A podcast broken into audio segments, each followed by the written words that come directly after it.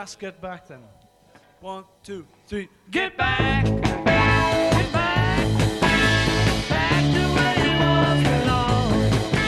Get back! Get back! Get back to where you.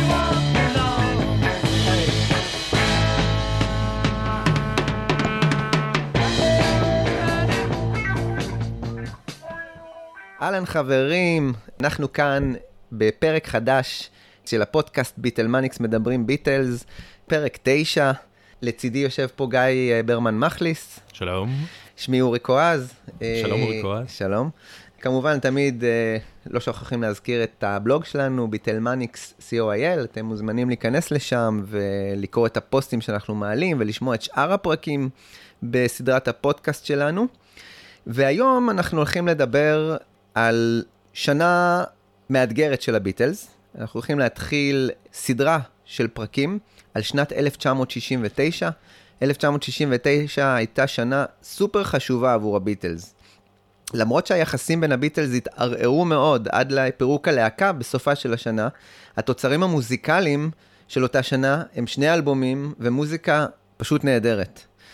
אז אנחנו נתחיל היום בסדרת פרקים שתעסוק בשנה המרתקת הזאת, החל מהפרויקט Get Back, שיפתח אותה בינואר, דרך האלבום A.B. Road, ועד להוצאת האלבום והסרט Let It Be ב-1970.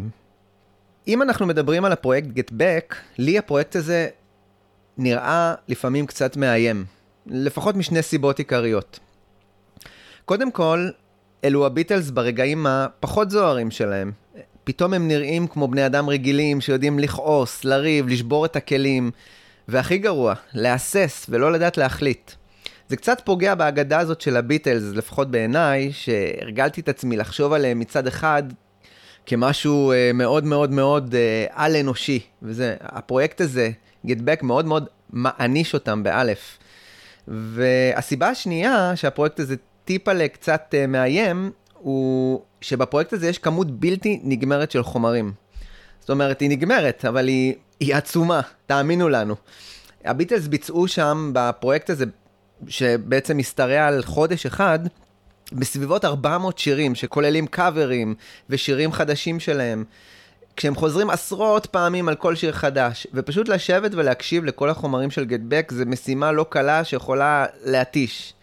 גם מדובר בחומר שהוא לא ממש קוהרנטי, הוא מכיל קפיצות של שברירי קאברים לשירים מקוריים שהם לא בשלים עדיין, אה, לשיחות, וחלק מהחומרים בכלל לא יהיו באלבום Let It Be, הם יהיו ב-AB Road.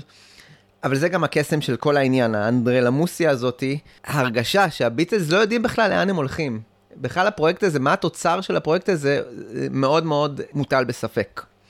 אבל עם כל זאת, יש כאן הזדמנות חד פעמית בסיפור של הביטלס, לשבת איתם, אם זה בחודש החזרות הזה, באולפן ההקלטות, ולהתבונן בתהליך הזה של היצירה, של הלהקה הגדולה ביותר.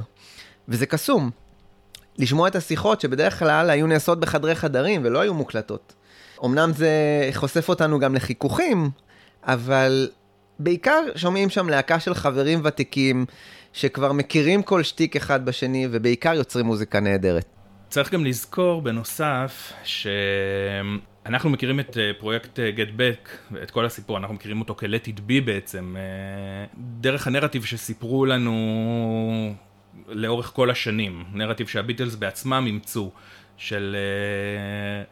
של הריבים, של מי רב עם מי, שפול הוציא את ג'ורג' משלוותו, וג'ורג' עזב, וכל הסיפור הזה. וכששומעים את ההקלטות, אתה מגלה שהדברים הם לא בדיוק כמו שסיפרו לנו. ממש כמו באלבום הלבן. ממש כמו ב... ממש כמו בחיים. כי למעשה צריך לזכור שאנחנו יודעים הרי שהחיים מורכבים. אה, אתה יכול יום אחד להיות אה, שמח, אה, ויום אחר להיות מעוצבן, ואז זה יצא גם על האנשים שסביבך.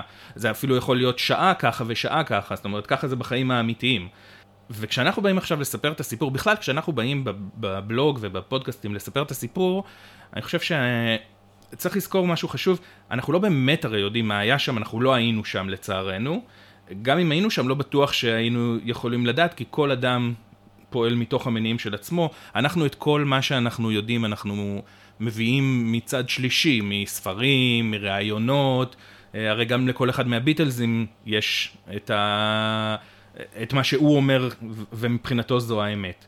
אנחנו, כשאנחנו בדרך כלל מספרים את הסיפור אה, בפוסטים, בפודקאסט, בכל דבר, אנחנו בעצם מתייחסים למה שלנו מתאים לסיפור כמו שאנחנו רואים אותו על פי כל הספרים שקראנו, ויש לנו עשרות ספרים, עשרות רבות של הספרים שעברנו עליהם כבר.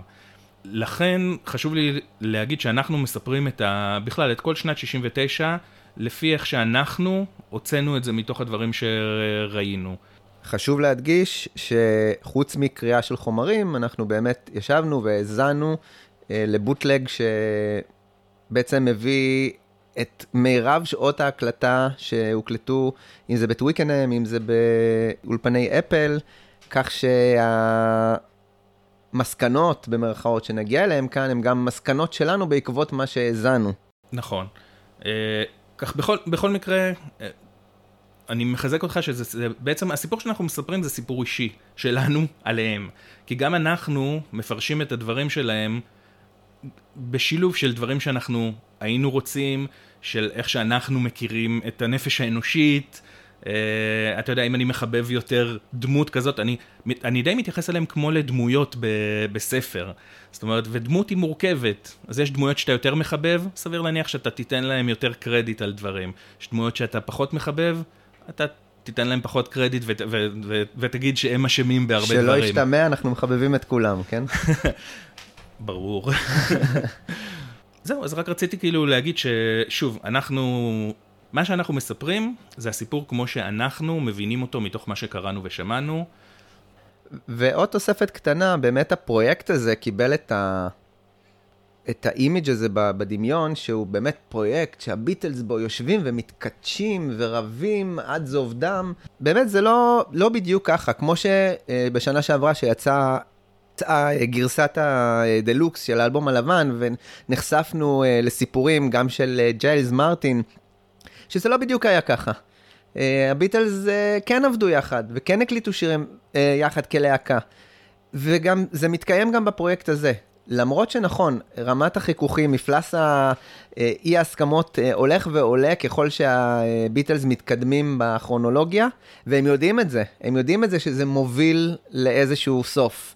עם פרויקט גטבק ובלעדיו, הסוף הוא היה מגיע בכל מקרה.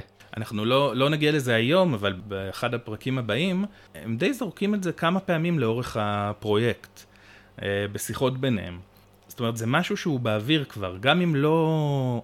גם אם זה לא משהו שכאילו מדברים עליו, הנה אנחנו מסיימים והולכים, זה כבר נמצא באוויר. הוא במיוחד יהיה באוויר אחרי שמסיימים את פרויקט גטבק, ובעצם ההחלטה ללכת לאלבום אייבי רוד, לדעתי, היא החלטה מושכלת.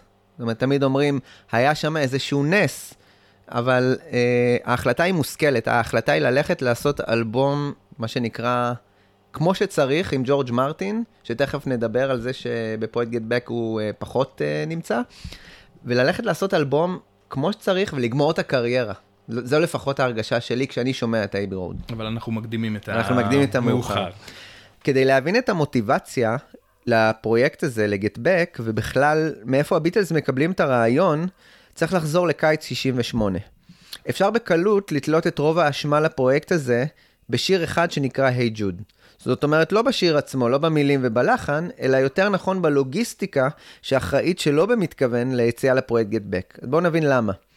ההקלטות ג'וד מתחילות uh, ב-29 ביולי 68 באולפני רוד.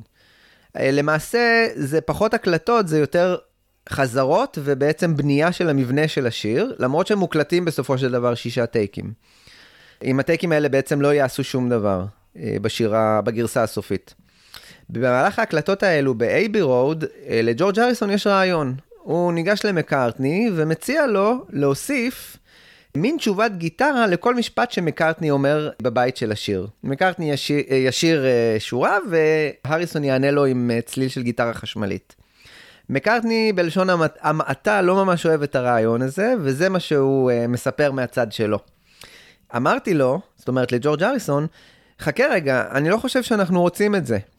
אולי תיכנס עם תשובת הגיטרה בשלב יותר מאוחר. אני חושב שזה צריך להתחיל פשוט יותר. הוא ענה, אה, כן, בסדר, בסדר, אבל זה נהיה קצת מוזר, הוא לא ממש התעניין במה שאמרתי. התעקשתי שלא אמורה להיות תשובת גיטרה, וזה היה חשוב לי, אבל כמובן שאם אתה אומר את זה לגיטריסט, הוא לא ממש נלהב מהרעיון. זה נראה כאילו אתה מוציא אותו מהתמונה. אני חושב שג'ורג' הרגיש כאילו, ממתי אתה הולך להגיד לי מה לנגן? גם אני בביטלס. אז אני יכול להבין את נקודת המבט שלו. קצת מאוחר יותר, ב-69, מוציא ווילסון פיקט את הסינגל שלו, את הביצוע שלו ל-A ג'וד, ואז אה, בעצם אה, הגיטריסט שלו עונה על כל שורה ששר ווילסון פיקט, הגיטריסט שלו עונה.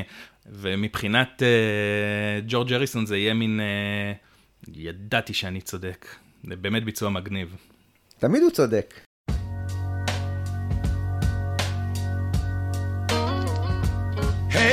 Jude, don't make it bad. Take a sad song and make it better. Remember to let her in your heart. Then you can start to make it better. Hey Jude, don't be afraid. You were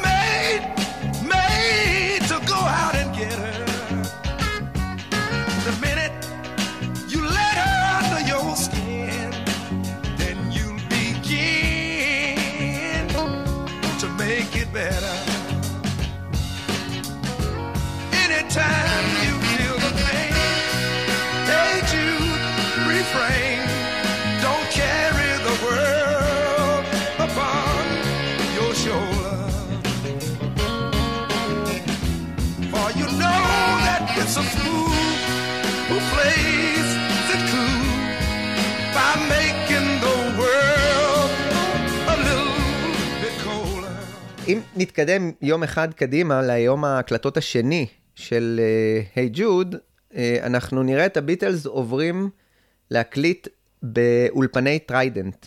הם לא מקליטים כבר באייבי רוד. ביום השני הזה של ההקלטות, אה, מצטרף אליהם צוות צילום, שבא לעשות תוכנית בשם Music, תוכנית טלוויזיה, שכנראה באה לספר על מצב המוזיקה בבריטניה או, או כל בלה בלה אחר. והביטלס בעצם מתועדים על ידם באחד הטייקים, אני חושב שזה טייק 9 אם, אם, אני, אם אני זוכר נכון, וכאן כבר באמת אפשר לראות ככה קצת את המורכבות uh, של היחסים בין הריסון למקארטני. מקארטני שזה מן הסתם השיר שלו, קצת מנשל את ג'ורג' הריסון באותו יום מכל תפקיד. אם מסתכלים רואים את הריסון יושב ככה בחדר הבקרה, אני יכול לנחש שהוא ככה קצת נבוך, הוא יושב שם עם ג'ורג' מרטין וקן סקוט, וזה לא כזה מראה מלבב לראות uh, כזה את הילד הנזוף שיושב בפינה ומסתכל בקנאה על הילד המוצלח של הלהקה. וכשנגיע להקלטות ב... בטוויקנאם, או לחזרות בטוויקנאם, נראה עד כמה ג'ורג' כבר לא מסוגל להכיל את ההתנהגות הזאת uh, של פול אליו. ועל זה אנחנו נתווכח. כן, על זה אנחנו לא קצת מסכימים נתווכח. כל כך. כן. ובסשן הזה ל-A ג'וד, דווקא קר- הקרבה אה, נראית בהקלטות בין ג'ון לפול. אה, ג'ון כזה משתף פעולה, הוא יושב על הגיטרה ושר את הנה נה נה נה כזה, וזה נראה כזה שיתוף פעולה מדהים, למרות שהבמה באמת בשיר הזה היא כולה של פול. כדי להיכנס ככה לאווירה, בואו נשמע איזה קטע קטן מה, מה, ממה שצילמו אה, צוות הצילום הזה באותו יום. Hey Jude,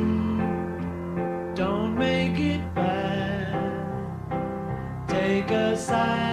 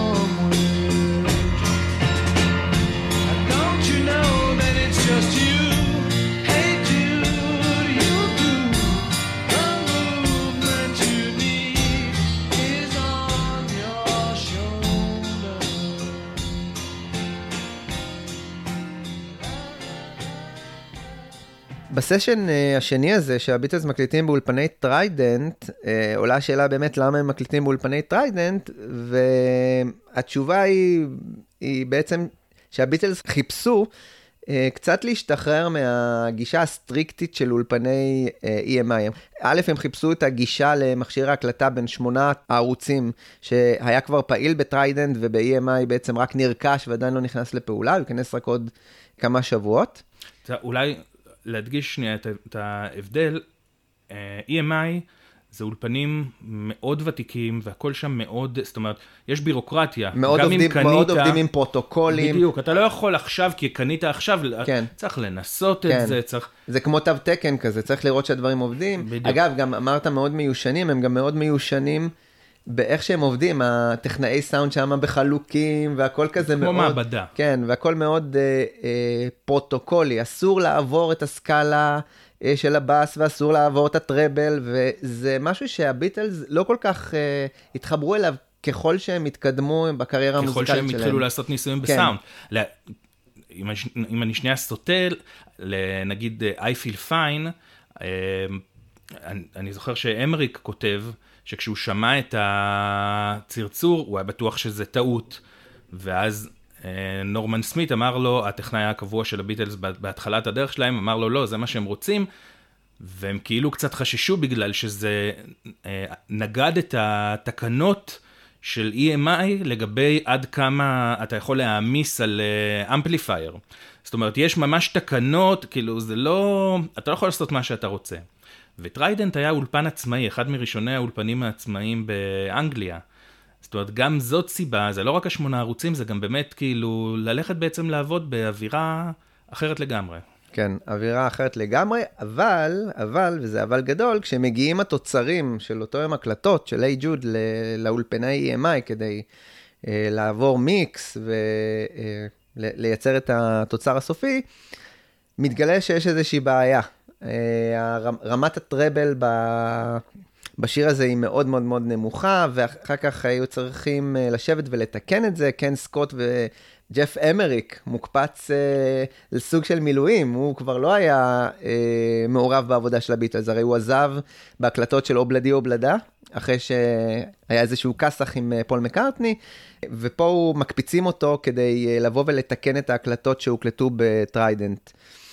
למה בעצם הסיפור הזה, למה, למה הסיפור על זה על טריידנט? כי הצורך הזה בחופש, אה, מה, מהסטריקטיות של אולפני EMI, יחזור על עצמו גם כשהם יחליטו אה, להקים את האולפן מש, שלהם במרתפי אפל, כדי לשמור על, אותו, על אותה רוח חופשית. ברביעי בספטמבר 1968, הביטלס מצלמים את הקליפים עבור Hey Jude ו Revolution באולפני טוויקנהאם המפורסמים שבלונדון. הם כבר uh, מכירים את האולפנים האלה די טוב. Uh, חלק מהסרטים, uh, A Hard Day's Night ו-Help צולמו שם, וגם קליפים כמו I Feel Fine, Ticket to Ride, Help, Day Tripper, We Can Work It Out, כל הקליפים האלה צולמו שם. סתם קוריוז, אגב, עד היום האולפנים האלה פעילים כבר יותר מ-100 שנה. וסרטים כמו בלייד ראנר, רפסודיה בוהמית, סדרה Black Mirror, צולמו שם. מי שנבחר לביים את הסרטונים החדשים האלה אה, עבור הביטלס, הוא הבמאי האמריקאי שהתגורר בלונדון, מייקל לינזי הוג. הוא כבר אה, מכיר את הביטלס, הוא עשה להם זוג אחר של קליפים, את Paperback Writer ו Rain, שיש גרסה אחת שלהם שצולמה באולפני אייבי רוד, ויש, אה, הם עשו שני גרסאות, וגרסה שנייה שצולמה בצ'יזוויק האוס שבלונדון. מייקל לינזי הוג היה בן גילם והם הסתדרו מצוין, הוא בכלל, הוא עבד הרבה עם אה, מוזיקאים, בהמשך הוא גם אה, יעשה הרבה קליפים לרולינג סטונס אה, בשנות ה-70, הרבה מאוד קליפים, והוא יחזור אגב, הוא, הוא גם יעשה קליפים לווינגס, יעבוד עם מקארטני.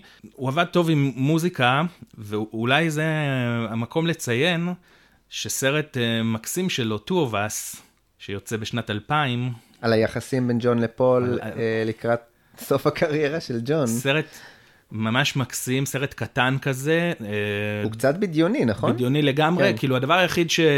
הבסיס האמת היחיד זה שב-76 יודעים שפול הגיע אל אה, ג'ון. ובעצם זה סרט שלם שכולו שני שחקנים, ג'ון ופול, יושבים ומדברים על העבר אה, וההווה, וזה סרט שכמעריץ אתה נורא רוצה להאמין שהוא קרה. שהוא קרה ככה כמו שהוא, כי הוא כל כך מחמם את הלב, אתה רואה שהוא ה- נעשה מאהבה כל כך כן. גדולה. יש שם גם את, הס- את ה, מה שמבוסס על ה- על סיפור אמיתי, שהם יושבים אה, מול הטלוויזיה ומתקשרים, לא מתקשרים, אלא מציעים. משד- מציעים ב Saturday Night Live לביטלס לבוא עכשיו, להתאחד ולהופיע בתוכנית. אז אם אנחנו חוזרים לקליפ של היי uh, ג'וד, שם הביטלס, אה, בעצם, אה, אם מסתכלים על הקליפ, אה, רואים אותם שהם יושבים, בהקדמה לקליפ, שהם יושבים ומאלתרים אה, מין uh, מנגינת ג'אז כזאת, ואחר כך את uh, It's Now or Never של אלוויס, ונראה שהם ממש ממש נהנים יחד, ועושים חיים, ושמים לב שלעשות מוזיקה יכול להיות משהו uh, די פשוט ומהנה. למעשה, אה, וזה לא צולם לצערנו, אבל הם פתחו את היום עם אה, כחימום, שנייה, אולי אני אעצור רגע ו- ואסביר למה חימום בעצם זה קליפ, ו- וקליפ בדרך כלל לא ביצעו לייב, אז, אז מה, למה צריך את החימום? אה, כי הוחלט שבעצם אה, ההקלטה של איי ג'וד תיעשה עם backing track של המוזיקה, אבל ה vocals, יהיה, הקולות יהיו לייב, הקולות של כל הביטלס. של כל הביטלס, כן. גם השירה וגם הקולות רקע, כאילו, זאת אומרת, זה יהיה חצי חי, שזו החלטה אמיצה עבור קליפ. לא שגרתית, אני גם לא לגמרי מבין מה למה, הסיבה, כאילו, כן, למה לעשות כזה דבר? אבל משום מה הם החליטו, ולכן הם התחילו את היום ב warm-up, בחימום, שכלל אה, שירים של ליטל ריצ'ארד, כמו Good Golly Miss Molly ו Lucille ו Long Tall Sally, הם ממש, אה, הם ממש נהנו, זאת אומרת, החזרה הזאת ל- לבסיס, עשה להם משהו, זאת אומרת, זה... ואפשר להגיד שהחזרות האלה נטעו את, ה... את זרע הפורענות לגט בק. אני רוצה שנקשיב לפתיחה הזאת של הקליפ של היי ג'וד, שזה הדבר היחידי שהוקלט מהאלתורים האלה. זה קטע מאוד מאוד מאוד קטן, בואו נקשיב לו. two, three,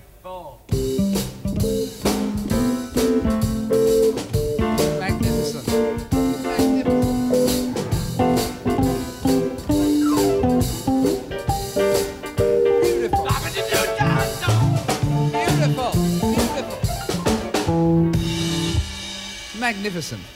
A perfect rendition. Ladies and gentlemen, there you see the greatest tea room orchestra in the world. It's my pleasure to introduce now, in their first live appearance for goodness knows how long in front of an audience, the Beatles. It's now on! אפשר ממש לראות בצילומים האלה, ל- לקליפ להי ג'וד, כמו שאמרנו, סוג של מיקרו פרויקט, Get Back. זה חידוש הקשר עם הקהל, הרי רואים שם גם אה, את הקהל שעוטף את הביטלס. אז חידוש הקשר עם הקהל, העבודה באולפני טוויקנהם, האלתורים, הכל כאילו מוביל לפרויקט Get Back. את הרעיון הזה של קהל המעריצים שמופיע לקראת סוף הקליפ ושר איתם את הפזמון ועוטף אותם, אה, הגה מפיק בשם דניס אודל. דניס אודל היה שותף אה, להפקה של הסרט הראשון שלהם, Hard Day's Night. הוא עבד עם ריצ'רד לסטר על עוד סרט שנקרא How I Won the War, שג'ון לנון השתת, השתתף פה.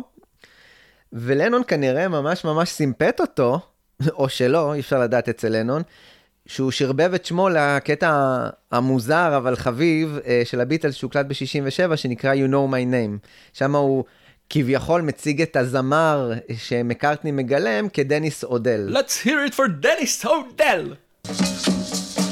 Good evening and welcome to Slaggers, featuring Dennis O'Bell. Arriba! Arriba! Let's hear it for Dennis! Hey! אז דניס אודל עובד עם הביטלס על הסרט מג'יקל מיסטרי טור, גם כן, ובפברואר 68, כשמתחילים אה, ככה להקים את חברת אפל, שעליה עוד נרחיב, הוא מתמנה למנהל הזרוע הסרטים של אפל, אפל פילמס. שנים אחר כך, אגב, הוא גם יפיק את המופע לבנגלדש של הריסון, והוא גם ייכנס לשותפות איתו בחברת ההפקות שהריסון פותח בשם Handmade Films. אם נחזור ל-Hey Jude, בעצם דניס אודל מעלה את הרעיון הזה שיבוא קהל ו- וככה יעטוף את הביטלס, ומי שהולך ומבצע את ה...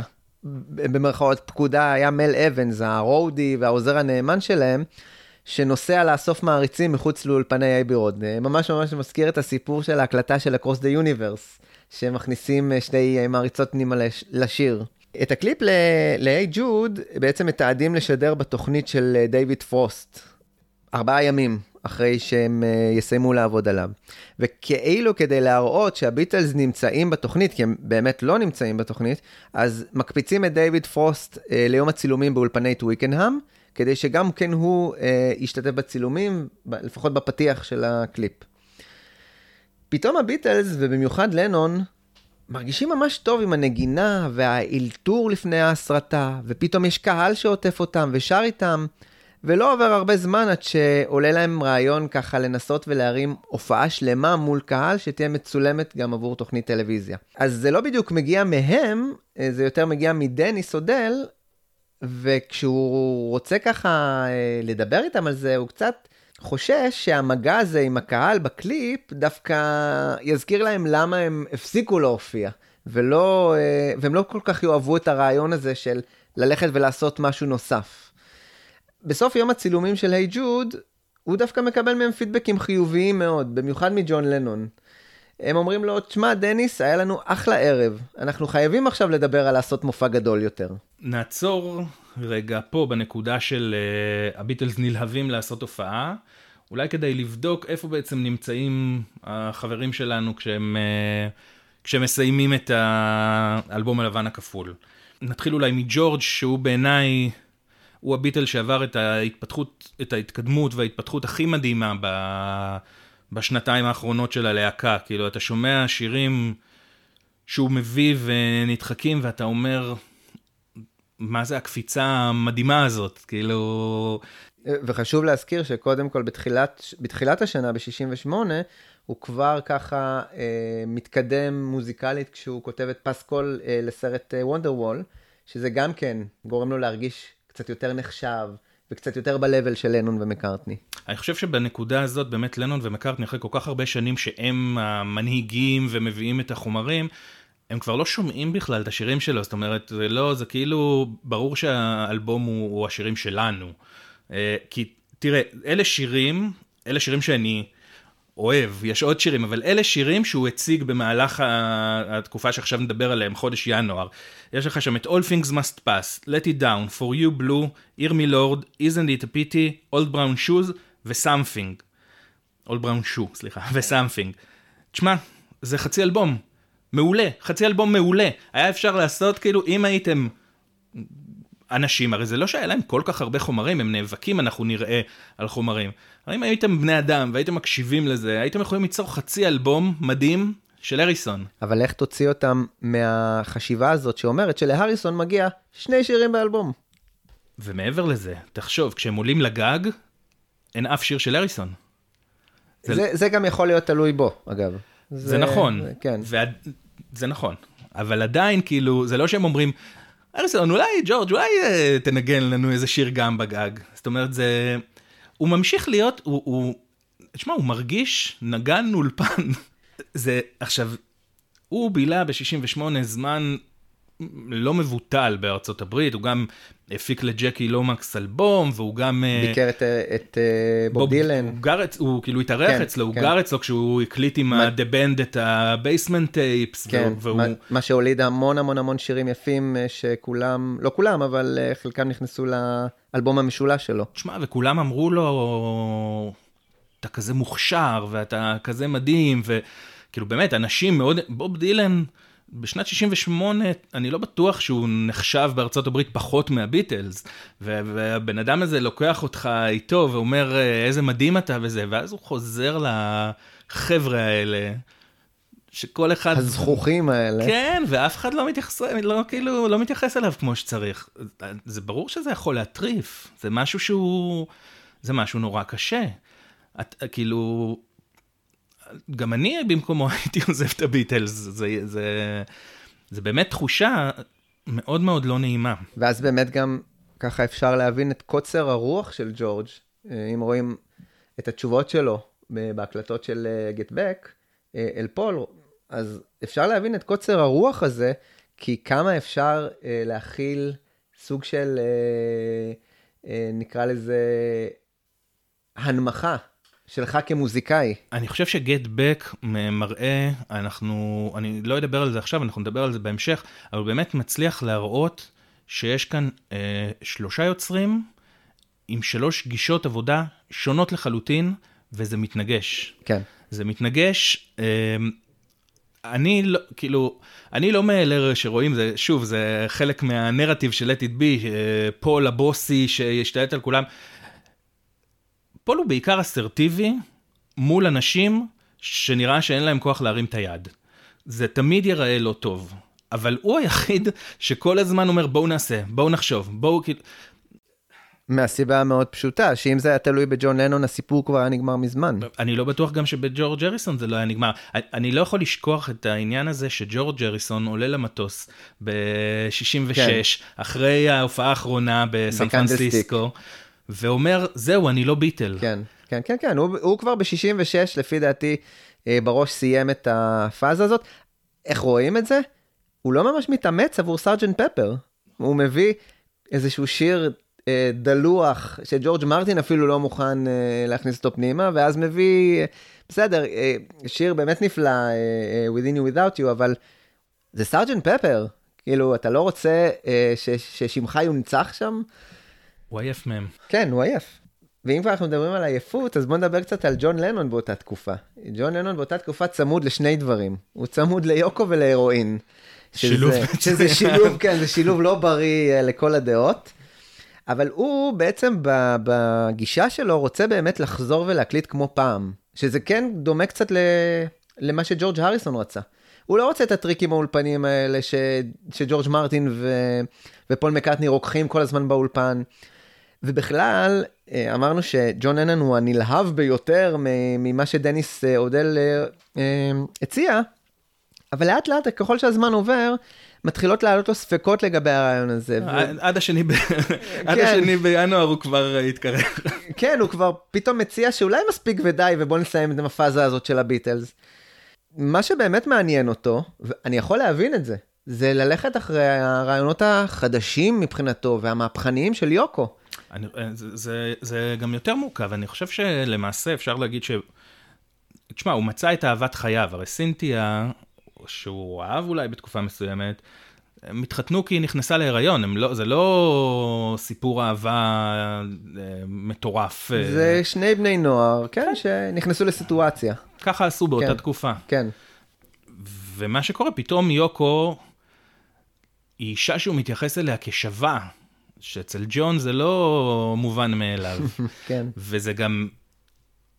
תשמע, היא אישה מסקרנת, אני מאוד מחבב את יוקו, אתה יודע את זה.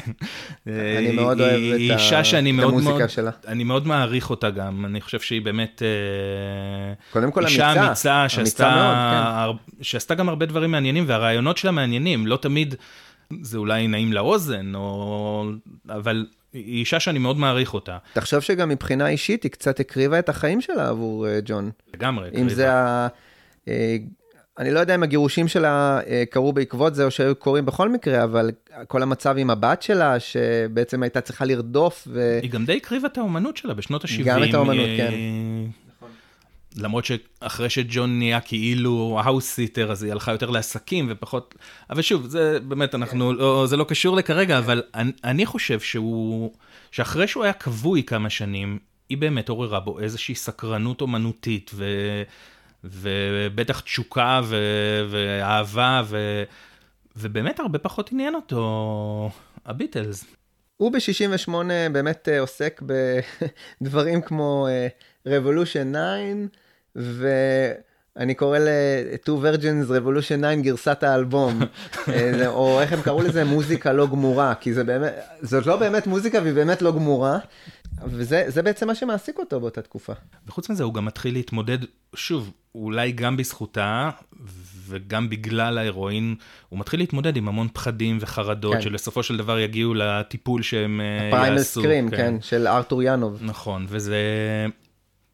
וגם, זה עוד, אתה חושב על זה, אז יש המון המון דברים שאנחנו, אם אנחנו מנסים, מנסים ליצור דמות, כמו שאמרנו קודם, שיש דמויות, הוא גם עבר גירושים מכוערים, הוא ניסה להדביק על סינתיה בשביל שהוא לא יצטרך לשלם לה, הוא ניסה להדביק על הרומן, כן. אה, ש- וה, והדבר הזה התפוצץ כש, אה, שיוקו בהיריון והוא לא יכל להסתיר את זה, ואז למעשה, אז כאילו גם הוא, יש לו רומן. כל מיני דברים כאילו, כל מיני דברים שקורים בחיים, וחוץ מזה אתה גם צריך לתפעל להקה שיש לך. אבל משהו אחד קורה לו, אה, אני קורא לזה מין מהפך מוזיקלי, אה, ב... לקראת סוף שנת 68. שים לב, הוא מתקרר לגבי הופעה עם הביטלס, הוא כן הולך ומופיע ב...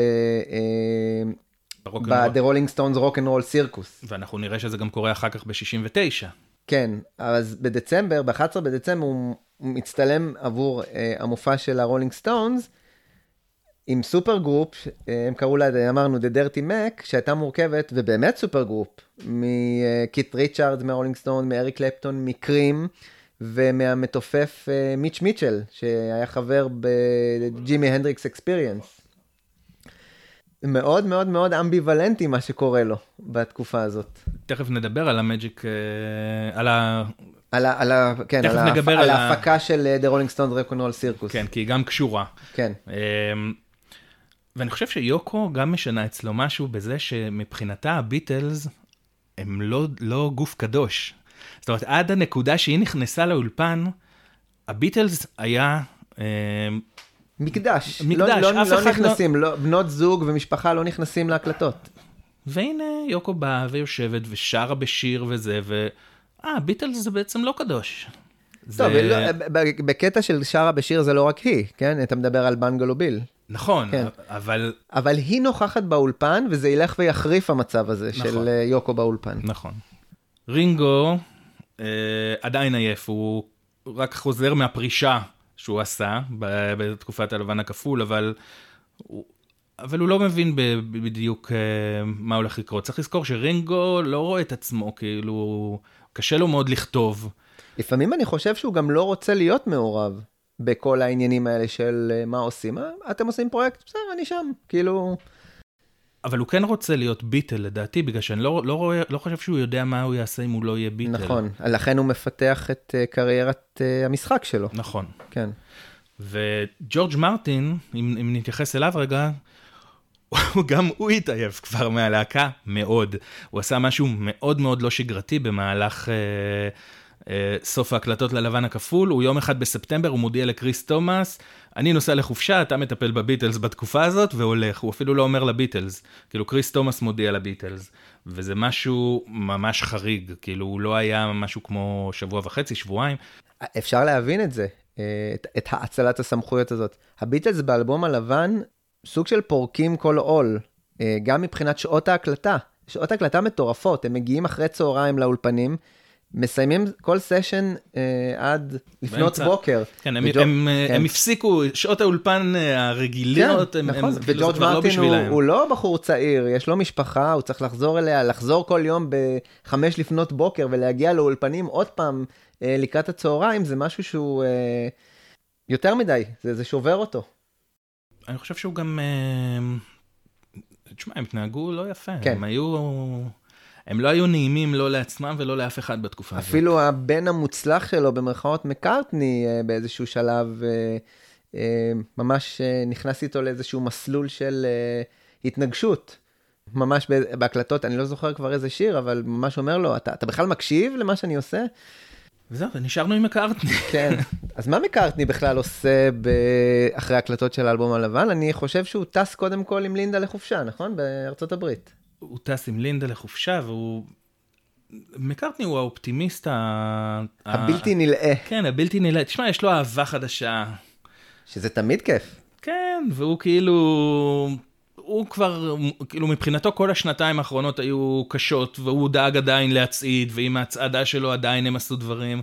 אני לא חושב שהוא עדיין, אני חושב שהוא האחרון פה לקלוט שמשהו באמת לא בסדר הולך, כאילו, צועדים למשהו שהוא לא, לא הולך להיות נעים, הוא, הוא, הוא סוג של מדחיק. הוא גם כאילו- מדחיק וגם הגלגלים בראש שלו כבר מסתובבים קדימה.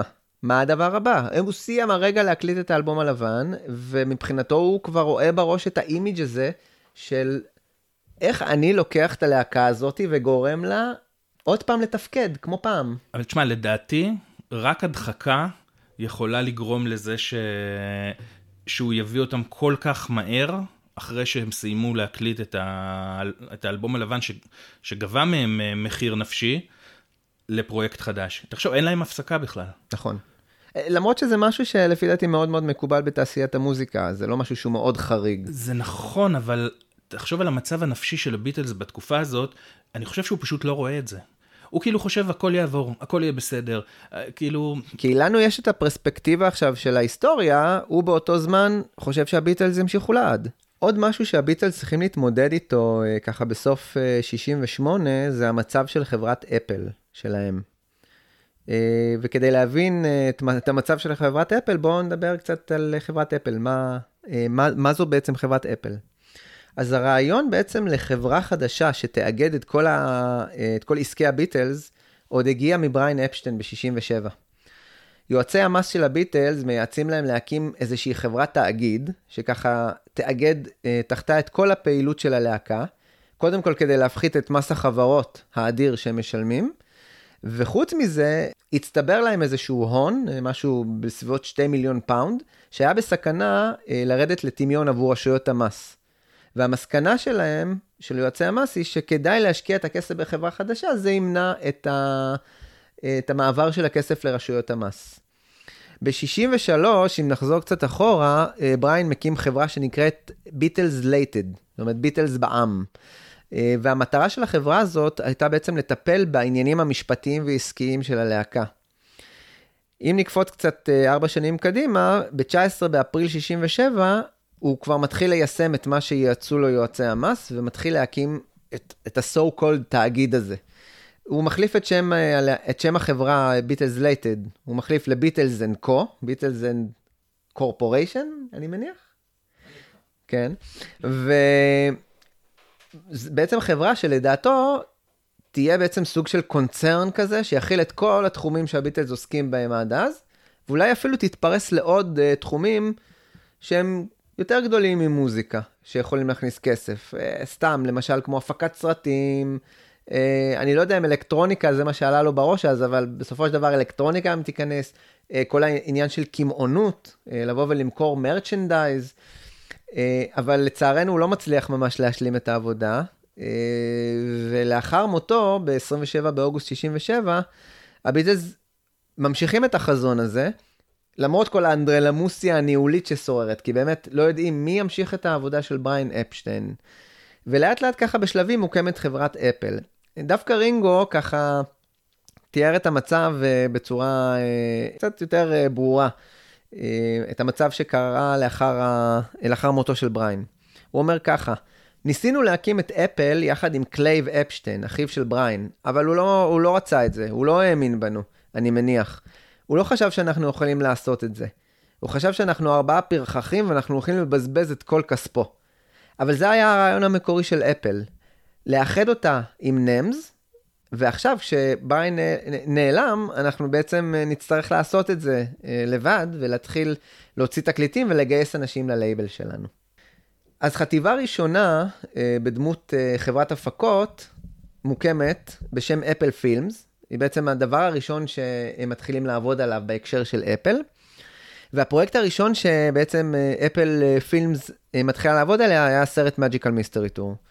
אחר כך הם יעבדו גם, אחר כך החטיבה הזאת תעבוד גם על צוללת אה, צהובה, ומאוחר יותר על Let It Be, ואחרי פירוק הביטלס אה, היא תעבוד גם על הסרט אה, רגה, שזה דוקו שנעשה על רבי שנקר, וגם על המופע למ- למען בנגלדש. בינואר 68 הביטלס מקימים רשמית את אפל קורפס, שמקארטני אחר כך הסביר שזה משחק מילים, שבעצם אפל קור זה בעצם ליבת תפוח. לי זה תמיד נשמע כמו גביית תפוח, אפל קורפס. זה יקרה מהר. כן, זה יקרה די מהר. אה, והמשרדים שהם מקימים אה, לעת עתה מוקמים ברחוב ויגמור בלונדון, אה, ואז גם מתחילה חגיגת הג'ובים. כל חברי הביטלס מן הסתם מתמנים לנשיאי החברה, וניל אספינל, אותו חבר ותיק מליברפול, שלא נרחיב, כבר הרחבנו עליו מספיק בפרקים הקודמים, מקבל לידיו את ניהול החברה. מהסיבה מאוד, מאוד פשוטה, הביטלס לא ידעו במי הם יכולים לבטוח באותה תקופה. אבל ניל אספינל אגב טרח לומר בכל הזדמנות שזה לא הוא, זה לא רעיון שלו, זה הביטלס הציעו לו והוא אה, הסכים. בחור בשם אליסטר טיילור מקבל גם כן משרת ניהול באפל, וככה שווה ככה להזכיר בקצרה מי הוא היה. אליסטר טיילור היה בעצם העוזר האישי של בריין אי שם אה, בתחילת אה, שנות ה-60. הוא בעצם הגיע עם בריין אפשטיין למועדון הקוורן לצפות בביטלס בדצמבר 61, אה, משהו שהייתי מוכן להתחלף איתו. ובשלב מסוים, ככה נפרדים אה, דרכם של אה, אליסטר טיילור ובריין אפשטיין, הוא מקבל משרה בחברת התקליטים פאי רקורדס. שנתיים אחר כך, בסביבות 1963, הוא נתקל בבריין אפשטיין בלונדון, והוא מציע לו ככה לקבל משרת ניהול בחברת נמז. לאט לאט ככה הופך להיות לסוג של אה, קולבויניק וממלא משימות עבור הביטלס. כל, כל דבר שהם רוצים הוא uh, בעצם uh, uh, הולך וממלא ומקבל גם את הכינוי Mr. Fixit. הוא בעצם עושה כל מה שהביטלס רוצים. אחר כך בשלב מאוחר, אם מקארטני מחפש חווה בסקוטלנד, Mr. Fixit הולך ומחפש חווה בסקוטלנד. אם uh, לנון רוצה לקנות אי, אז הוא הולך ו- ומחפש לו אי. מל אבנס ב scale גדול יותר. כן, מל, מל אבנס למתקדמים. והוא אגב זה שיגלה את, uh, את בריין אפשטיין מת ב-27 באוגוסט בחדר השינה שלו. אה, שזה אירוע, אני מניח, אה, שהיה טראומטי עבורו. כשמקימים את אפל, אגב, אה, לא יודע אם יצא לכם לראות, הייתה מין מודעת פרסומת כזאת, שפול מקארטני יוזם, שרואים כזה איש מולטי טאלנט כזה, עם תוף על הגב ומלא, אתה מכיר את ה... אז זה בעצם אליסטור טיילור, הוא מגלם את ה multi talent הזה. ככה, כשאלן קליין אה, יגיע לעשות סדר בחברה, אז uh, הוא יהיה אחד הנפגעים הראשונים, uh, ובעצם הוא יפוטר מהחברה על ידי uh, אלן קליין. ככה כשאלן קליין מפטר אותו, אז הוא לא ממש מצליח ליצור קשר עם ג'ון ופול. כאילו, וואלה, פיטרו אותו הרגע, אז הוא רוצה לשמוע מג'ון ופול, מה, מה קורה? זה לא הגיוני. ואז הוא קורא ציטוט בדיילי מייל של פול מקארטני, שעונה על, על השאלה, למה פיטרו את אליסטור טיילור מהחברה? אז ברגישות המקארטנית הטיפוסית, הוא קורא, זה בלתי אפשרי להיות נחמד כשמפטרים מישהו. פה בעצם נפרדים ה... נפ... נפרדת דרכם של אליסטור טיילור והביטלס. עוד דמות שמקבלת uh, משרת ניהול בכירה באפל היה פיטר בראון, שהיה אחד החברים הקרובים של בריין, והוא התחיל את הקריירה שלו כאיש מכירות בנמז בזמנו, ואחר כך כשבריין פותח סניף חדש של נמז, הוא מקבל את ניהול הסניף הישן. ב-65 הוא הופך להיות העוזר האישי של בריין, ובעצם הוא אחד האנשים שבריין הכי שמח עליהם בעולם. הוא נמצא במעגל הכי קרוב לביטלס. ובגלל הקרבה הזאתי, בריין הופך להיות סוג של איזושהי focal point לכל מה שקשור לעסקי הביטלס. ולכן זה מאוד מאוד מאוד טבעי עבור הביטלס לתת לו איזשהו תפקיד ניהולי מאוד מאוד בכיר, כי הוא בעצם מכיר את כל המטריה הזאת של, של בריין, הוא היה האיש הכי קרוב לבריין. אחר כך, אגב, סתם כקוריוז, הוא אה, אה, יופיע בשיר אה, הבלדה לג'ון ויוקו, כשהוא ילווה אותם להתחתן בגיברלטר.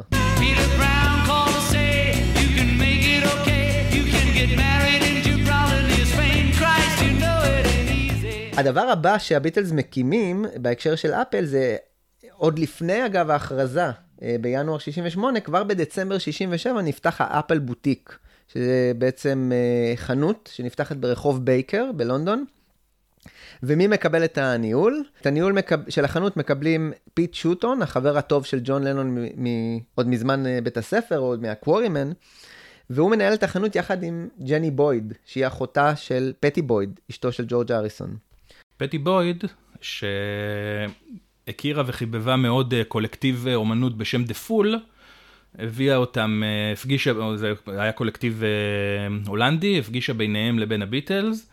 הביטלס פשוט נתנו להם 100 אלף לירות סטרלינג, זה שווה ערך היום למיליון 782 800 אלף לירות סטרלינג, בלי שום, אה, כאילו, קחו, אנחנו רוצים שתעצבו את הבניין, תעצבו כאילו את המבנה, את הבוטיק, ותעצבו את הבגדים, וקחו, אתם אחראים, קחו מתנה. אה, החבורה הזאת הייתה בעצם אחראית לצביעה היפה הזאת מחוץ גם, לבניין? אכן. אוקיי. אגב, לגבי מה שנמכר שם, לא, לא ממש אה, ברור. בעצם מין תמהיל כזה של בגדים, מרצ'נדייז, כל מיני חפצים שונים ומשונים. מקארטני תיאר את זה ככה, הוא מתאר את זה כמקום יפה, בו אנשים יפים יכולים לקנות דברים יפים. אגב, מסתבר ש... אנחנו, אנחנו צריכים לזכור שמדובר על ספטמבר אה, 67. כן, כן. אנחנו בשיא הפסיכדליות. כן. אז... אבל מסתבר שהדברים היו כל כך יפים בחנות, שגם צוות החנות וגם הלקוחות היו פשוט גונבים אה, פריטים מהחנות, וככה החנות הופכת מהר מאוד לנטל אה, על חברת אפל, ואחר כך אה, פיט שוטון פשוט מתפטר מתפקידו כמנהל. ממנים איזה מנהל אחר בשם ג'ון לינדון, שלא ממש מצליח להפיח חיים בחנות, והחנות הלא שהיא לא רווחית, הגורמת להפסדים הזאת, נסגרת בסוף יולי 68. באותה, באותו אה, יולי 68, אגב, המשרדים עוברים אה, לרחוב סביל רו, אה, ובאוגוסט מוקמת חטיבת התקליטים. חטיבת התקליטים של הביטלס באה מתוך הרעיון שפול וג'ון, ואולי גם ג'ורג', אני לא יודע, אבל שניהם, הם פשוט שמעתי אותם מדברים על זה, סיפרו שכשהם היו צעירים והתחילו, היה נורא נורא קשה, והם רוצים להפוך את זה למשהו קל ונגיש לכל אחד. זאת אומרת, אם יש לכם שירים, אם יש לכם מוזיקה, תקליטו את עצמכם, תשלחו אלינו קלטות, ואנחנו נוציא את זה. זה, זה היה הקונספט. והם פשוט התחילו לקבל כמויות מטורפות של הקלטות, ועל פי מה שהם הודו אחר כך, אני לא יודע אם אף אחד או כמעט אף אחד לא הוזמן מתוך האנשים האלה, הם היו צריכים לצאת ולחפש אומנים, זאת אומרת, לא, אומנים אמיתיים לא הגיעו אליהם מזה. עדיין, אה, הם כן החתימו, אנחנו יודעים שהם החת- החתימו את... אה, מרי הופקין, ג'קי לומקס, נכון? כן. את, אה, בטפינגר. נכון. ומה שקורה זה שבעצם בינתיים, בעיקר ההכנסות מגיעות מאלבומים של הביטלס, שנמכרים מן הסתם. מעולה. ויש המון הכנסות, המון הכנסות. ועדיין אפל בחובות, בגלל שכל שאר החטיבות מוציאות יותר ממה שההכנסות כן, של מכירות לא- הביטלס, ועוד לא דיברנו על אה, אפל אלקטרוניקס. של מג'יק אלכס, כן. הגורו החדש של אה, כן. לנון. אז זה הזמן לדבר. אה, אז בעצם מג'יק אלכס, אה, בחור בשם אלכס מדרס, בחור שלנון כל כך התלהב ממנו, לא ברור לי עד היום, וקראתי המון חומר, לא ברור לי ממה הוא התלהב. זה התחיל מהחיפושים אה, של אי ביוון. כן. אה, כשהמליצו לביטלס כאחד מהניסיונות למקלט מס, כן. אה, בואו תקנו אי ביוון. אה, והוא הלך איתם וניסה לחפש. הוא ושם- ממוצא יווני. הוא ממוצא יווני. כן. ושם לנון התאהב בו, משום מה. אני- זהו, אני קראתי שזה, שעוד אחורה הוא התלהב מאיזה קופסה שהוא אה, הקים של לא יודע מה היא עושה. וכן, אבל האי היווני היה באמת נקודה, נקודת מפנה, ואז הוא בעצם גם הגיע איתם ל, למחנה של המערישי, ברישיקש, וגרם שם לבלגן שלם סביב הסיפור של המהרישי שהטריד את מיה פרו, מה ש... מה שגרם לעזיבה של לנון את המחנה. וכנראה לא נכון. כנראה שהיה לא נכון, שוב, אי אפשר לדעת.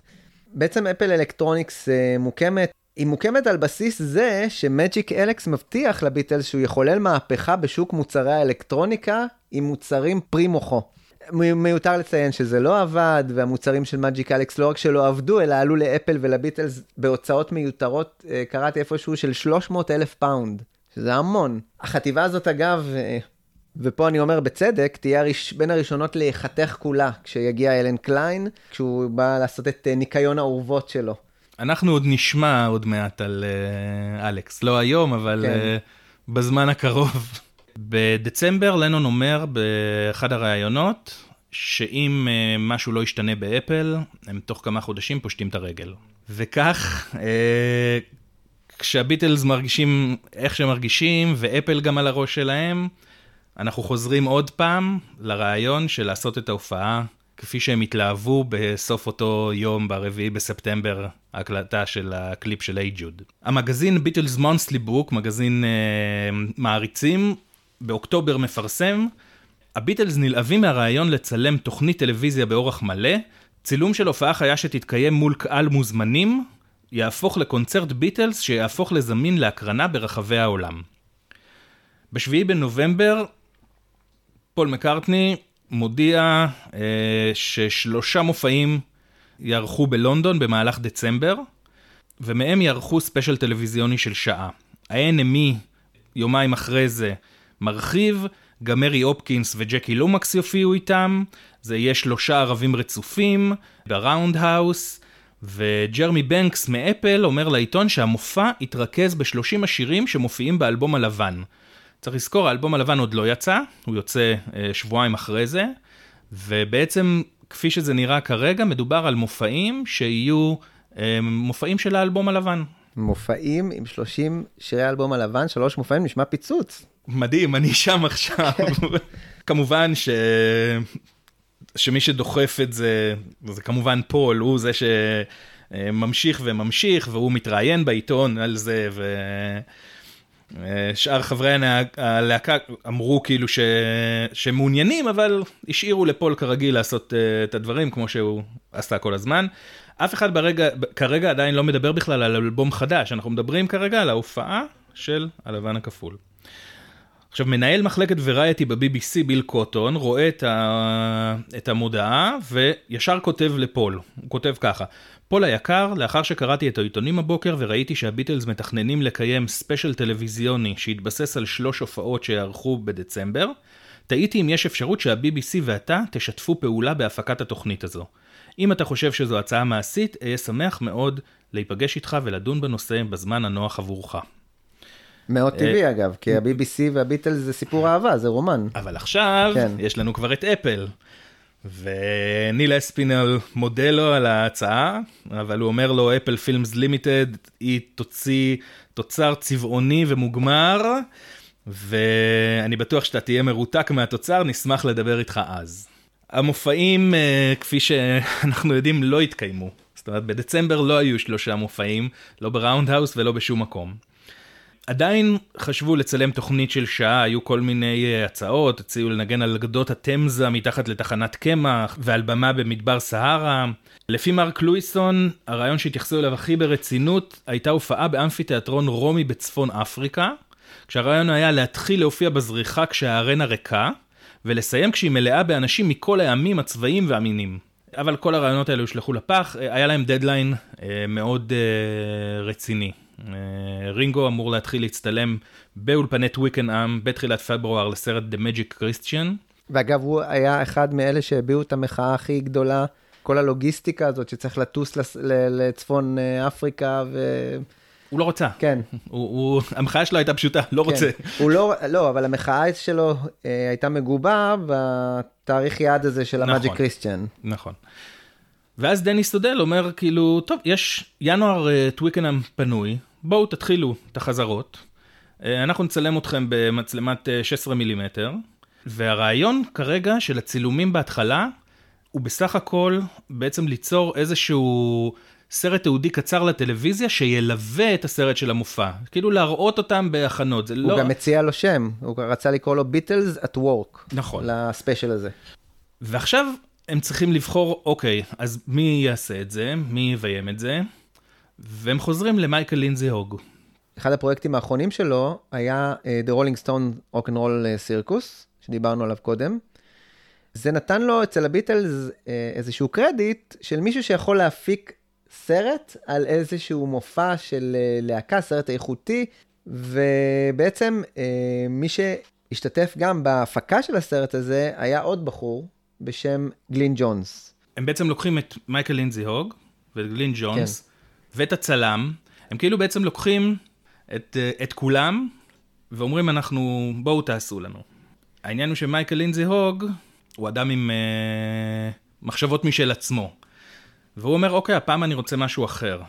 אני לא רוצה את התפאורה של קרקס וזה, אני רוצה במה חשופה, תאורה שהולכת ונבנית עם הזמן, התאורה, קשה לראות את זה בסרט, כי הסרט ערוך כל כך בצורה מגמתית ולא כן. זה, אבל התאורה נבנית, היא מתחילה בהתחלה מאוד אה, חלש כזה, ומתחילה להשתנות. הוא אומר, אני רוצה שזה יהיה כאילו אנחנו בכלל לא מתערבים, כאילו, כאילו אנחנו לא שם בכלל, שההרגשה תהיה שאנחנו לא נמצאים בכלל. וזה משהו שהביטלס פחות התחברו אליו, הבמה הבודדה הזאתי. זה בעצם מה שבא ונתן להם את תחושת הניכור הזאת של אולפנים ריקים עם במה, הם יושבים ככה. כי זה אולפנים נורא גדולים. כן. ואין איזה סט שאתה יכול להגיד, אה, אוקיי, הנה, אני בתוך הסט וזה, אתה, אתה פשוט כאילו באמצע, באמצע חלל נורא גדול. אבל הכ- הכוונה באמת הייתה לא להפריע להם. זאת אומרת, הוא חשב כמו שהוא חשב, כמו קולנוען. הוא הביא איתו שתי מצלמות, שני מכשירי נגרה, שתכף נסביר מה הם. שתכף נסביר מה הם, ורצה לצלם. בדצמבר 68, אה, המפיק גלין ג'ונס, שהשתתף גם כן בהפקה הזאת של אה, ה Rolling Stones, מקבל שיחת טלפון מפול מקארטני. מקארטני מאוד מאוד מאוד מתלהב מצליל הבאס שג'ונס אה, מפיק, ואמרנו, באולפני EMI באותו זמן, טכנאי הסאונד מאוד מאוד מאוד צמודים לפרוטוקולים של איך סאונד אמור להישמע ובאיזה סקאלות הוא חייב להיות מוקלט. וגלין ג'ונס, שבין היתר הקליט גם באולפני אולימפיק, לא ממש היה נתון לאילוצים האלה. נשאלת השאלה הגדולה, אה, מדוע לא פנו הביטלס לג'ורג' מרטין? אה, טבעי, ג'ורג' מרטין המפיק שלהם, וטבעי שגם הוא יפיק את החזרות. חשוב להדגיש שבאותה תקופה ג'ורג' מרטין כן עולה שמו כמי שיפיק את הסאונד של המופע, או המופעים. זה, זה לא רק עולה שמו, זה, הוא, כן. זאת אומרת, הם, הם מדברים איתו, זאת אומרת, גם במהלך נכון. הימים הראשונים אנחנו נראה, כאילו, הוא גם היה מאוד נלהב, כי זה היה רעיון מאוד חדשני, כי בשלב הזה הם כבר מדברים על אה, להקליט שירים שלא, נמ- שלא, שלא- שירים חדשים, נכון. שירים לא מאלבומים, וזה לא... אה, אחרי ששלושת המופעים בעצם כן, כן. נקברים להם, אז נכון. כבר מדובר על מופע אחד שיכיל בו שמונה שירים חדשים. וזה משהו ש... שאף פעם לא נעשה. כן. עוד, עוד משהו חדש שהביטלס כן. עושים, כאילו. ג'ורג' מרטין גם התלהב להפיק אלבום חי שמציג את הביטלס בצורה, כאילו, בצורה ראשונית וחשופה. אני מזכיר שבעצם המחשבה הראשונה של ג'ורג' מרטין בשנת 63 הייתה להקליט את Please Please Me בקאברן. זאת אומרת, הוא רצה להקליט אותם חי גם אז, אבל זה היה בלתי אפשרי מבחינת, ה... מבחינה טכנולוגית. כן. היום זה אפשרי וזה משהו שמאוד מלהיב אותו, זה גם, ג'ורג' מרטין הוא כן אדם שאוהב ניסיונות, וסרג'נט פפר מצד אחד זה, זה תענוג, ומצד שני גם לעשות כזה דבר זה משהו אחר. ג'ון הוא ג'ון, והוא יודע להגיד אה, דברים בצורה שגורמת לכל אדם להרגיש אה, רצוי. ומרטין אה, מספר שג'ון אמר לו כך. הוא אמר שהוא רוצה שלא יהיה הד, לא תוספות, ושום דבר מההוקוס פוקוס שלי. אם הם לא יצליחו להגיע לביצוע טוב בפעם הראשונה, הם יקליטו אותו שוב ושוב עד שיצליחו. אני לא רוצה שום דבר מהחרא ההפקתי שלך, אנחנו רוצים שזה יהיה אלבום כנה, הוא אמר לו. אה, מרטין כמובן מאוד נעלב, במיוחד, אני לא מבין ממה. במיוחד כי הוא אמר אחר כך שהוא חשב שכל האלבומים שלהם כנים. אה, זה כאילו, וגם מה, הוא מאשים אותו בחוסר הכנות של האלבומים שלהם? יש עוד סיבה שג'ורג' מרטין בעצם לא מפיק את החזרות האלה המיועדות בטוויקנהאם. ג'ורג' מרטין רגיל לתפעל ציוד רב ערוצי, קצת יותר מתוחכם, ובעצם בחזרות בטוויקנהאם, פשוט כי לא היה צריך, משתמשים במכשירי הקלטה שהם אה, מתאימים יותר להפקת סרט. אה, מכשירים שבעצם אה, מקליטים את מה שמצולם. ממיקרופון, מאיזה איש בום שעומד ומכוון את המיקרופונים ללהקה, וג'ורג' מרטין לא מרגיש ש- שיש בו צורך בחזרות האלו, בהקלטת החזרות האלה. ולכן גלין ג'ונס בעצם מגיע על תקן הטכנאי שיפקח על ההקלטות עבור הסרט. אגב, ההקלטות שג'ורג' מרטין הולך להקליט עבור מופע, הם כנראה, הסברה היא שהם כבר ידעו שאיפשהו הם הולכים לקצור מזה איזשהו אלבום. אה, אלבום- בשלב הזה כן, זה, כן. זה, הוא גם אמר, זה מה שכאילו ריגש אותו, שזה כאילו אלבום לייב של חומרים חדשים. כן, ולכן הציוד הקלטה שגלין ג'ונס אחראי עליו הוא קשור אך ורק אה, לצילומי הסרט. שלא לא היה אמור לצאת, כאילו, לא היה אמור לזה. לצאת, כן, בדיוק. אז דיברנו על ציוד ההקלטה, ציוד ההקלטה שנעשה בו שימוש היה מכשיר אה, הקלטה נייד מסוג נגרה, נגרה זו חברה פולנית, הפירוש המילה נגרה בפולנית הוא will record, יקליט. אה, ובעצם המכשיר הזה עובד כמו רוב מכשירי הקלטה אז בשיטת ה reel to reel, זאת אומרת גלגל לגלגל, שמים גלגל הקלטה אחד, מקליטים והסליל עובר לגלגל הקלטה אחר. המכשירים האלה בעצם, המכשירי נגרה בעצם אה, היו נפוצים מאוד בתעשיית הסרטים, כדי להקליט את האודיו. ציוד ההקלטה הזה חובר אה, למצלמות, היו בעצם שני מצלמות אה, שהיו נוכחות אה, באולפני טוויקנהאם, ומכיוון שסרטי הקלטה מאוד קצרים, סביבות הרבע שעה לכל גלגל, אה, שני מכשירי ההקלטה עבדו, בגיבוי בעצם.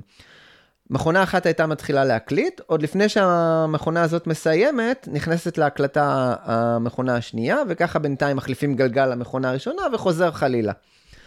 אגב, שום דבר מההקלטות האלה שנעשו בטוויקנאם לא באמת היה שמיש אה, עבור האלבום Let It Be, כי זה באמת הקלטות ברמה אה, של חזרות, צילומים. נכון, למרות שמפתיע לפעמים לשמוע שהסאונד הוא יותר טוב ממה הוא שהיית לא רע מצפה. בכלל, כן. לפעמים זה, זה באמת בלתי נכון, שמיע. נכון. כי זה הכל בעצם בסופו של דבר תלוי איפה עומד המיקרופון, איפה עומד האיש עם הבום. הבום. כן. אגב, אה, קצת, אם חוזרים אחורה, רואים שהביטלס מכירים את גלין ג'ונס אה, עוד אה, מימי הביטלמניה. אה, הוא שימש טכנאי משנה בתוכנית ספיישל טלוויזיונית שנקראת Around the Beatles, ששודרה ברשת IBC איפשהו ב-64.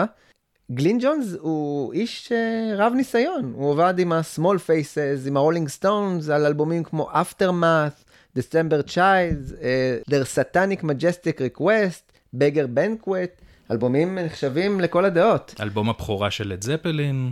ואותי זה הפתיע, גלין ג'ונס בעצמו הקליט גרסה לשיר של הביטלס, הוא הקליט קאבר ל-I'll Follow the Sun שיצא באפריל 65. די, חייבים לשמוע. יאללה.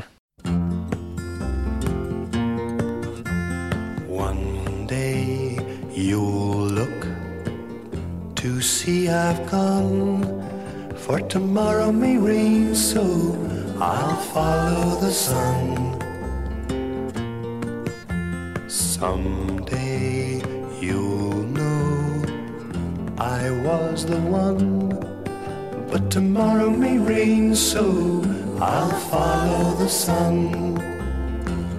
And now the time has come, and so, my love, I must go. And though I lose a friend, in the end you will know.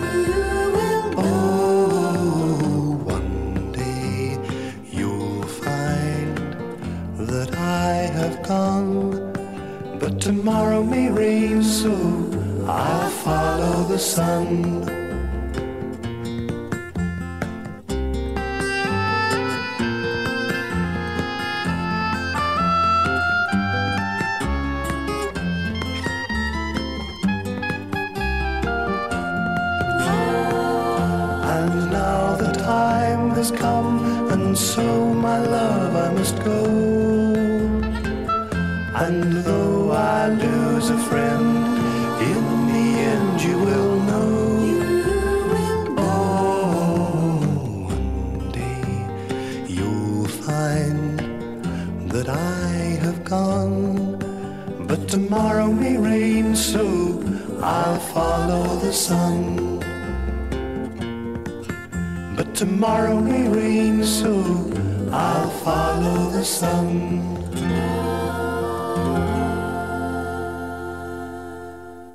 אם כבר דיברנו על אה, ארסיות של לנון, אז במהלך הפרויקט אה, של Get Back, לנון מכנה את גלין ג'ונס בשם גלינס, כמו השחקנית הבריטית גלינס ג'ונס. לא ברור לי אם זה גיחוך או מתוך חיבה של לנון אליו. גלן ג'ונס מספר, זה היה מצחיק, קיבלתי שיחת טלפון ממישהו עם מבטא ליברפולי, וחשבתי שמיק ג'אגר עובד עליי. בכל מקרה זה היה פול מקארטני, ואתה לא מסרב לפול מקארטני. הרעיון היה לעשות משהו בסגנון ה Basement Tapes של בוב דילן ודה בנד, להראות איך הם באמת. עבדתי כבר עם כולם ועם האימהות שלהם בזמן הזה, אז הייתי רגיל להימצא בסביבת אנשים מפורסמים. אבל כשקיבלתי את השיחה, ללכת ולשבת בפרטיות עם האנשים האלה, כשהם עושים את מה שהם עושים, ושיזמינו אותי להצטרף, זה היה ממש מדהים. לא הכרתי אותם, הייתי כמו כל מעריץ על הכוכב שראה בהם אייקונים יוצאי דופן של מופלאות. ועל אף שהם לא באמת יכלו להיות אנשים נורמליים, בגלל מה שההצלחה עשתה להם, הייתי עד לכך שהם היו נורמליים אחד לשני. זה משהו שאף אחד לא זכה לראות, ואף אחד לא ידע עליו. וכך הקונספט שלי לתקליט, שהוא יתבקש מאוחר יותר לעשות וייקח לו שנה מהחיים, אה, הקונספט שלי היה כמה נפלא, נפלא יהיה לקבל אלבום שלהם מנגנים חי, יושבים יחד, צוחקים אחד על השני ופשוט נהנים. אחרי שהם רצו על כמה דברים, ביום הראשון, פול פנה אליי ושאל אותי מה אני חושב שהם צריכים לעשות באינטרו. כמעט נפלתי מההלם. חשבתי שהם שכרו אותי כדי להיות טכנאי, והנה בשעה הראשונה של החזרות הם מבקשים ממני רעיונות לעיבוד. רק אז הבנתי שג'ורג' מרטין לא אמור להיות מעורב. כמה ימים לתוך הפרויקט שאלתי את פול איפה ג'ורג' מרטין, הוא ענה שהם החליטו לא להשתמש בשירותיו. אגב, כמה שנים אחר כך, אה, פול מקארטני אה, מקליט עם ווינגס את Red Rose Speedway, והוא שוב מעוניין להשתתף בשירותיו של גלין ג'ונס, אבל איפשהו שם לא ממש מסתדר להם, וגלין ג'ונס אה, לא נכנס לסיפור הזה בת- בתואנה שההקלטות מתקדמות לאט מדי, אבל אתה לא יכול להאשים אותו אחרי פרויקט גט בק. האמת ש... פרויקט גט בק באמת טבע מגלין ג'ונס הרבה מעבר לש... לחודש הזה, הם באמת שיגעו אותו, כן. הוא, הוא עשה כל כך הרבה מיקסים וניסיונות לאלבום ובסוף זרקו הכל הצידה ונתנו לפיל ספקטור אה, לעשות מה שבא לו. אז הגענו ליום הגורלי, סתם הוא לא כזה גורלי, אבל 2 בינואר 1969, היום הראשון לפרויקט גט בק. ככה סתם חשבתי על, ה, על, על התנאים שהביטלס סיפרו ש, שהיו בטוויקנאם, זה די מזכיר לי את מה שהביטלס סיפרו על, אה, אה, על האודישן בחברת דקה. הם סיפרו שהאולפנים בטוויקנאם היו קרים, לא מזמינים, צוות צילום שמסתכל עליך מבוקר עד ערב, שעות לא שעות לעשיית מוזיקה. מאוד מזכיר, נכון? מה שג'אן לנון אמר אז על אה, דקה. זה גם הבדל של אה, יום בתאריך. בדיוק. אה, אצל הביטלס הכל מעגלי וסימבולי ואירוני ונגמרו לי המילים. אה, אז דיברת מקודם על אה, עוד שני אנשי צוות נוספים שהשתתפו ברוקנרול סירקוס, בחור בשם טוני ריצ'מונד, אה, שהוא יהיה הצלם הראשי, ואיתן ראסל, שבא לצלם בסטילס, תמונות שיצאו בספר שמצורף לאלבום Let It Be, כשהוא יצא בבריטניה. אז בסביבות תשע וחצי מגיעים מל אבנס והעוזר שלו, גם למל אבנס יש עוזר, כדי לסדר את הציוד על הבמה באולפנים. גם מל אבנס צריך מל אבנס. כן. עכשיו, ב image הזה, אגב, נפתח הסרט. נכון. שלהם מסדרים את הציוד אה, על הבמות. אה, הביטלס עצמם, או לפחות רוב הביטלס, מגיעים לאולפנים בסביבות 11 בבוקר, שזאת שעה לא שעה עבורם. ומקארטני, שמגיע בתחבורה ציבורית באותו היום, אה, מאחר ומגיע רק בשעה 12 וחצי. רציתי קצת להתעכב על איזה כלים הביטלס אה, אה, ניגנו באותו, באותם חזרות, ובעצם הכלים הם הכלים המסורתיים שלהם, אין פה משהו מיוחד, אבל יש פה גם אה, קצת אה, כלים חדשים ששווה לדבר עליהם. רינגו מנגן בעצם במערכת אה, תופים של אה, לודוויג, אותה מערכת אה, מסורתית שהוא אה, מנגן עליה, אבל הפעם זו מערכת חדשה יחסית, היא נקנתה ב-68, ובדרך כלל רינגו היה מנגן על המערכת כשהיא מחולקת לארבעה חלקים, שזה בעצם שני תופי טם-טם, סנר ובאס. הפעם הוא מנגן ממש על חמש חלקים, על עם עוד תוף אה, טם-טם אחד. אה, ומגבת אה, מונחת על תוף הסנר כדי לרכך את הצליל, משהו שבאמת היה מקובל באותה תקופה. שלושת הביטלס האחרים אה, רכשו מגברי פנדר חדשים. ג'ון מנגן באפיפון קזינו שלו, שראינו אותה כבר מופיעה בשנת 66. ג'ורג' הריסון מנגן בלוסי לספול, גיטרה יחסית חדשה שהוא מנגן בה. פול, ברוח החזרה, ברוח הגט בק, העדיף לזנוח את הריקנבקר היחסית חדשה שלו ולנגן בהופנר משנת 63. לא, לא זאת הראשונה שהוא התחיל לנגן איתה, מ-61, שגם כן הייתה מונחת שם אה, באולפנים.